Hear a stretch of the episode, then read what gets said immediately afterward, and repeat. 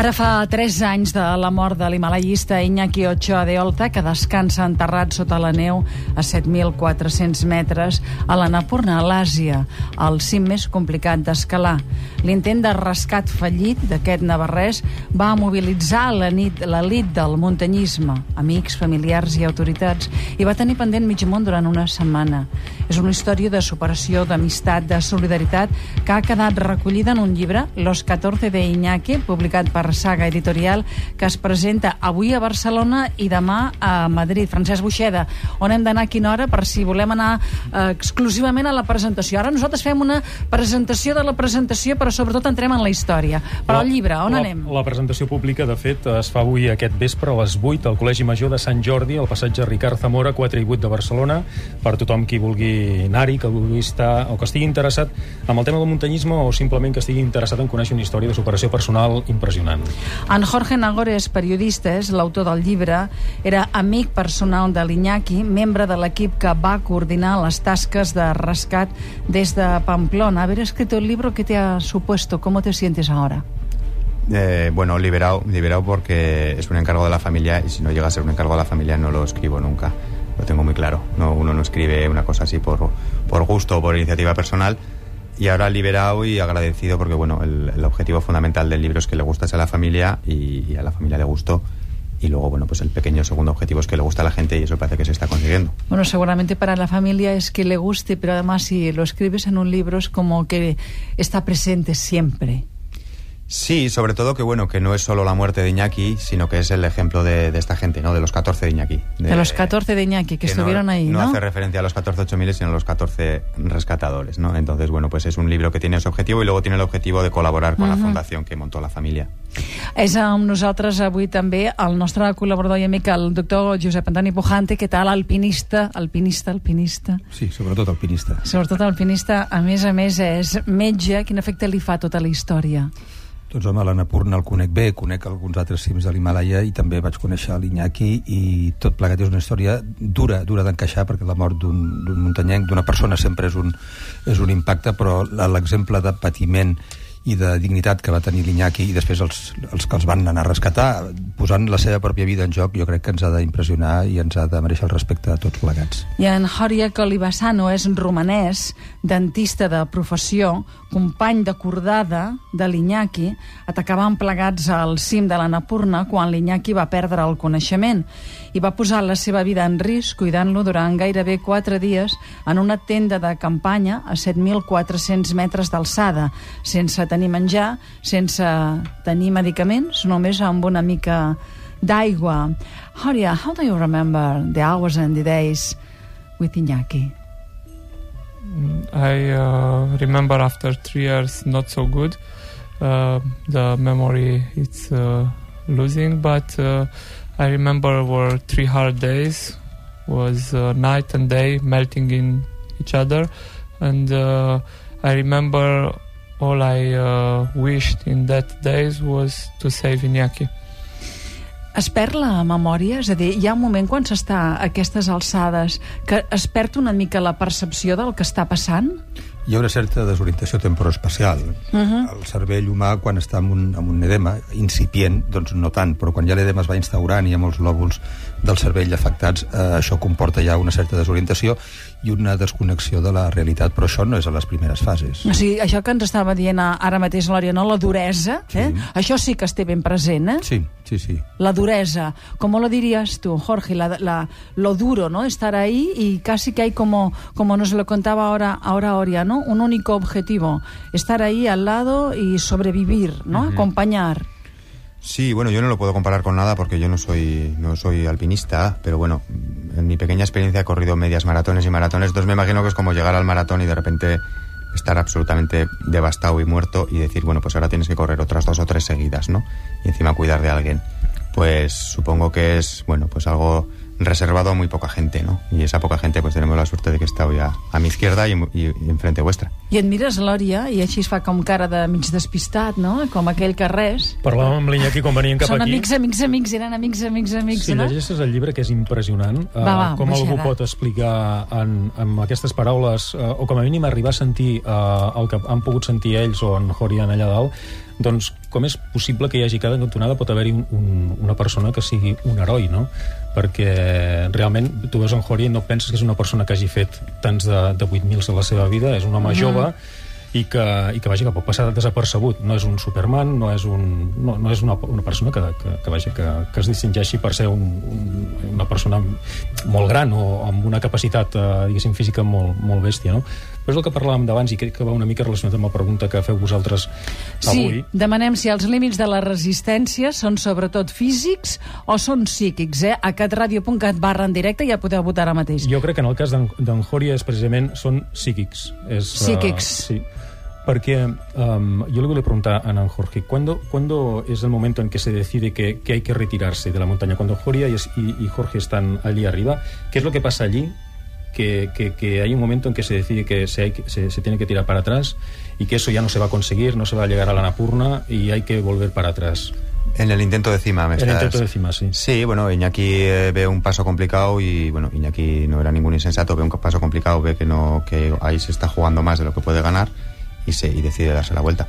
Como son íntimos amigos, dice, bueno, tú eres mi amigo, yo voy detrás tuya porque igual si te has dado la vuelta es por algún tipo de causa, ¿no?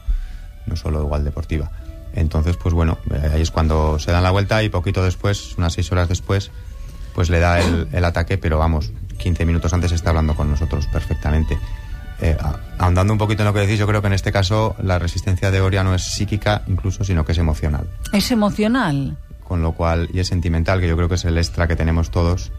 Que igual Es de amistad, quieres decir que la Sí, amistad sí, ahí yo está... supongo que será la misma resistencia emocional que pueda tener una madre con un hijo, un padre con un hijo. Una- diu, què diu, doctor Pujante? Que això. Ma- Què? Quiero decir que va más de allá que lo, que lo psíquico, incluso. Esa ¿no? fortaleza emocional, sin duda alguna, es una energía que está como la belleza, ¿no? Está en el interior, no se tiene por qué ver, no se tiene por qué ir eh, exhibiendo ahí, pues con un, com deies tu abans, amb un cos que dius, home, aquest és un superhome, no, está en el interior. Y esa fortaleza física, psíquica, emocional y, y metafísica, si me apuras mucho, es lo que hace que, que en un momento dado uno se convierta en un héroe porque está dispuesto a dar la vida por un compañero. I el que és cert és que eh, l'honora molt, el Joria l'honora molt, el fet de que quan el company diu oye, no lo veo claro, bajamos, él eh, no rompe la cordada, esa cordada emocional, ese, ese lazo sentimental, porque esto no se da siempre, tú lo sabes perfectamente, que en nuestros ambientes de montaña a veces uno dice, no me encuentro bien, i l'altre diu, escolta, ves baixant, que jo intentaré eh, pel meu compte veure si faig sim, perquè a vegades també esa vanidad de decir, coño, tú no puedes, pero yo lo Pero voy a yo sí, quizás sí, A veces se rompe la cordada. Es ética, y, pero bueno. Y la cordada no es una cuerda de perlón que nos une, sino que es un, un cordaje invisible, ¿no?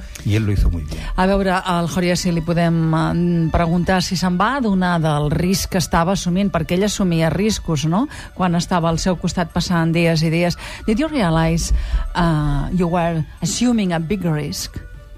Yes, of course. I have been many times in Himalaya, I and I, I'm doctor also, so Clar. És que I- és metge, és clar, és dentista, so és I, metge... I know the risk uh, for my health. Clar. Going up there, staying up there, I, I knew exactly what I do. Mhm. Llavors, això per què es fa? Esclar, se n'adonen, és metge, ha estat moltes vegades a, a l'Himàlaia. Per què es fa de continuar amb l'amic? Però és que no sempre... no, Perquè, perquè hi ha un lligam, que és el que dèiem, que és més fort que qualsevol altre eh, Clar. nexe, no? Però un metge pot, pot ajudar amb els coneixements mèdics i això m'ha Clar, passat a mi personalment. passat. El que passa és que no tenim, si en aquells moments no tenim ni medicació, ni tenim els estris i l'instrumental com per poder fer el que faríem en un centre mèdic, doncs eh, podem donar aquella tranquil·litat al malalt, però miracles, miracles, pel fet de ser metges tampoc podem fer. doctor I el Pujante. Jori es trobaria Perquè és el que es, eh, es trobaven a 7.400 metres amb, una, amb una tenda de campanya, no hi tenien ni menjar, no tenien ni medicaments, tenien només aigua que en Joria anava derretint eh, amb, eh, diguéssim, posant-se-la a la boca pràcticament perquè l'Iñaki pogués anar bevent una mica que era Clar, l'únic a la boca per escalfar-la, no? escalfar-la, No hi havia fogonet, això és la clau, eh? No hi havia fogonet. Que no hi hagi menjar no és imprescindible, però que no hi hagi fogonet per fondre neu i obtenir líquid, això sí que és la diferència Sí, entre la vida el, i la el- mort. el- el quemador lo habían dejado con el ruso que había ido. Se lo habían dejado Claro, al ruso habían para que dejado se el hiciese arriba. eh, el- en el campo 5, es que había un campo por encima. Doctor Pujante, què li agradaria de, demanar al Jòria? No sé si us coneixien. No, d'haver llegit les cròniques eh, en els mitjans de comunicació de quan ell va donar aquest exemple de solidaritat i d'amistat, i sobretot de generositat, que va ser el que ens va impressionar a tots, no? L'estar al costat del company eh, agonitzant, perquè al començament és un company que està malalt, però després és un company que se't va morint i tu veus que no pots fer ni com a metge ni com a company de, de muntanya per tant jo el que vull és eh, eh, expressar el meu reconeixement i mm -hmm. sobretot felicitar-lo perquè, perquè sigui com és i que no deixi mai de ser així de solidari, perquè això és, és el futur. La muntanya treu el millor i el pitjor de cada persona?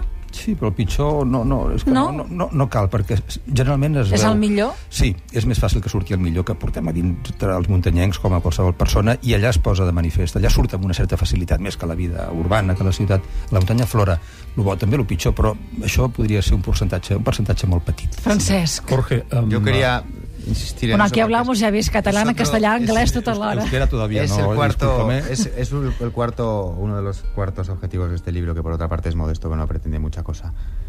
Eh, el objetivo es precisamente es ese no que porque de vez en cuando te caiga un- te caiga una paloma en la cabeza las palomas son bonitas cuando vuelan y en el Himalaya pasa lo mismo no que porque de vez en cuando hay una bronca o algo así en general la gente del Himalaya se comporta cuando las cosas van mal dadas se comporta bien Sin duda. Deies, Francesc, què anaves a demanar? Cuando, cuando os avisan que hay un problema con Iñaki y aquí hay que ir a, a rescatarlo, um, ¿cómo montáis esta expedición? Porque montar un rescate a 7.400 metros uh, de altitud no es fácil. Sí, bueno, el, en primer lugar hay que decir que sería muy pedante por mi parte o por parte de la familia decir que el rescate lo montamos nosotros. El rescate lo monta Oria y lo monta Iñaki con su círculo de amistades sin poder abrir la boca, él monta, va montando el rescate él solo, ¿no?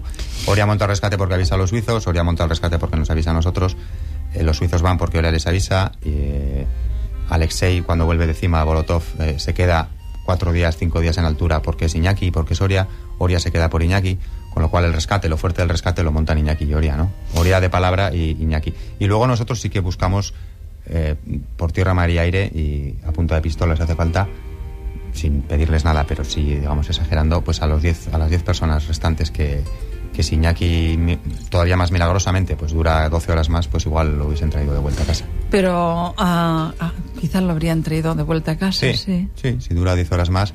Es un milagro ya que durase 10 horas, pero bueno, hay que tener en cuenta que esto a los dos días de tener Iñaki el problema, el día salió malo y no pudo volar el helicóptero. El helicóptero llevaba a Denis Urubko con oxígeno y Denis Urubko si el miércoles llega a poder volar y plantarse en la Napurna, el jueves a la noche está y, y, eh, está con Iñaki con, con ¿Y Uri Iñaki lo sabía? Iñaki lo sabía porque cuando llegó el suizo le dijo, oh, Uli del equipo suizo, sabía ciertas cosas, Oria lo sabe, pero bueno, pues digamos que es un poco ese duerme vela del, del alcohólico de alguna manera, ¿no? Claro, porque cuando uno está agonizando, hi ha un moment que desconnecta, És un no? estat de consciència intermig, sí, sí. És... Sí, porque bueno, no sabemos si es trombosis, si es un ictus, si es un... qué es. Entonces va- se le va y le viene, a veces se pensaba que estaba en el campo base, a veces se pensaba que estaba en el... En, en alta muntanya, tu sabes Pero él sabía, él es sabía más- que la gente, le- Oria le comentaba, hay gente, tus amigos están viniendo por detrás, eh, en Pamplona están también pendientes, y dice Oria que, que Iñaki sonreía, ¿no? I a més, a- en el camp base hi havia la companya de l'Iñaki Sí. uh, en aquell moment, que, que, vaja, que també l'animava i li, li, li Vamos, deia... con lo cual es una cosa colectiva, en la cual, pero en la cual evidentemente todo el riesgo lo tienen estas personas y el mérito porque nosotros estamos en casa tranquilamente, sin dormir durante una semana, pero eso es lo de menos. Welly Steck el va enganyar al, al, a l'Òria, no? A la que el, el va enganyar molt, lo engañó. Intentó, es complicado engañar a Oria, es rumano. Ho expliquem. L'Elis, com dèiem, la persona que va acabar arribant a la, a la, a la tenda de campanya a 7.400 metres, va ser l'únic que va poder arribar, i en un moment determinat eh, avisen en Horia que li obri pas, que baixi una mica, amb la intenció de dir, quan ell arribi, de- ja m'haurà obert pas, i jo el faré baixar. Quan el veu baixar, el veu tan malament que va caient, va caient en Horia, que diu, haig de triar entre arribar en, en, en l'Iñaki o salvar la vida d'en Horia. I en aquell moment ell decideix salvar la vida d'en Horia, que és qui tenia més possibilitats, no? Malgrat tot, a partir de ese momento, eh, Joria decide que quiere bajar solo y que suba a Welly, ¿no? Sí, Oria se niega, le dice a Uli que bueno, pues que él no está tan mal. Estas cosas nunca se sabe si quién tiene más razón, si Oria o Uli, quién tiene la visión de quién está peor, ¿no? Eh, eh, Uli piensa que si le deja solo a Oria, Oria se va a despeñar o se va a quedar ahí 10 me- 10 minutos después, pero Oria dice que está bien y que, que no, que es que si no sube, que si bajan juntos, que él se vuelve a la tienda. O sea, que Iñaki no se puede quedar solo, que él no ha estado tres días ahí jugándose la vida para que, para que le acompañen. es otro ejemplo más de lo impresionante que es este muchacho. Uh -huh.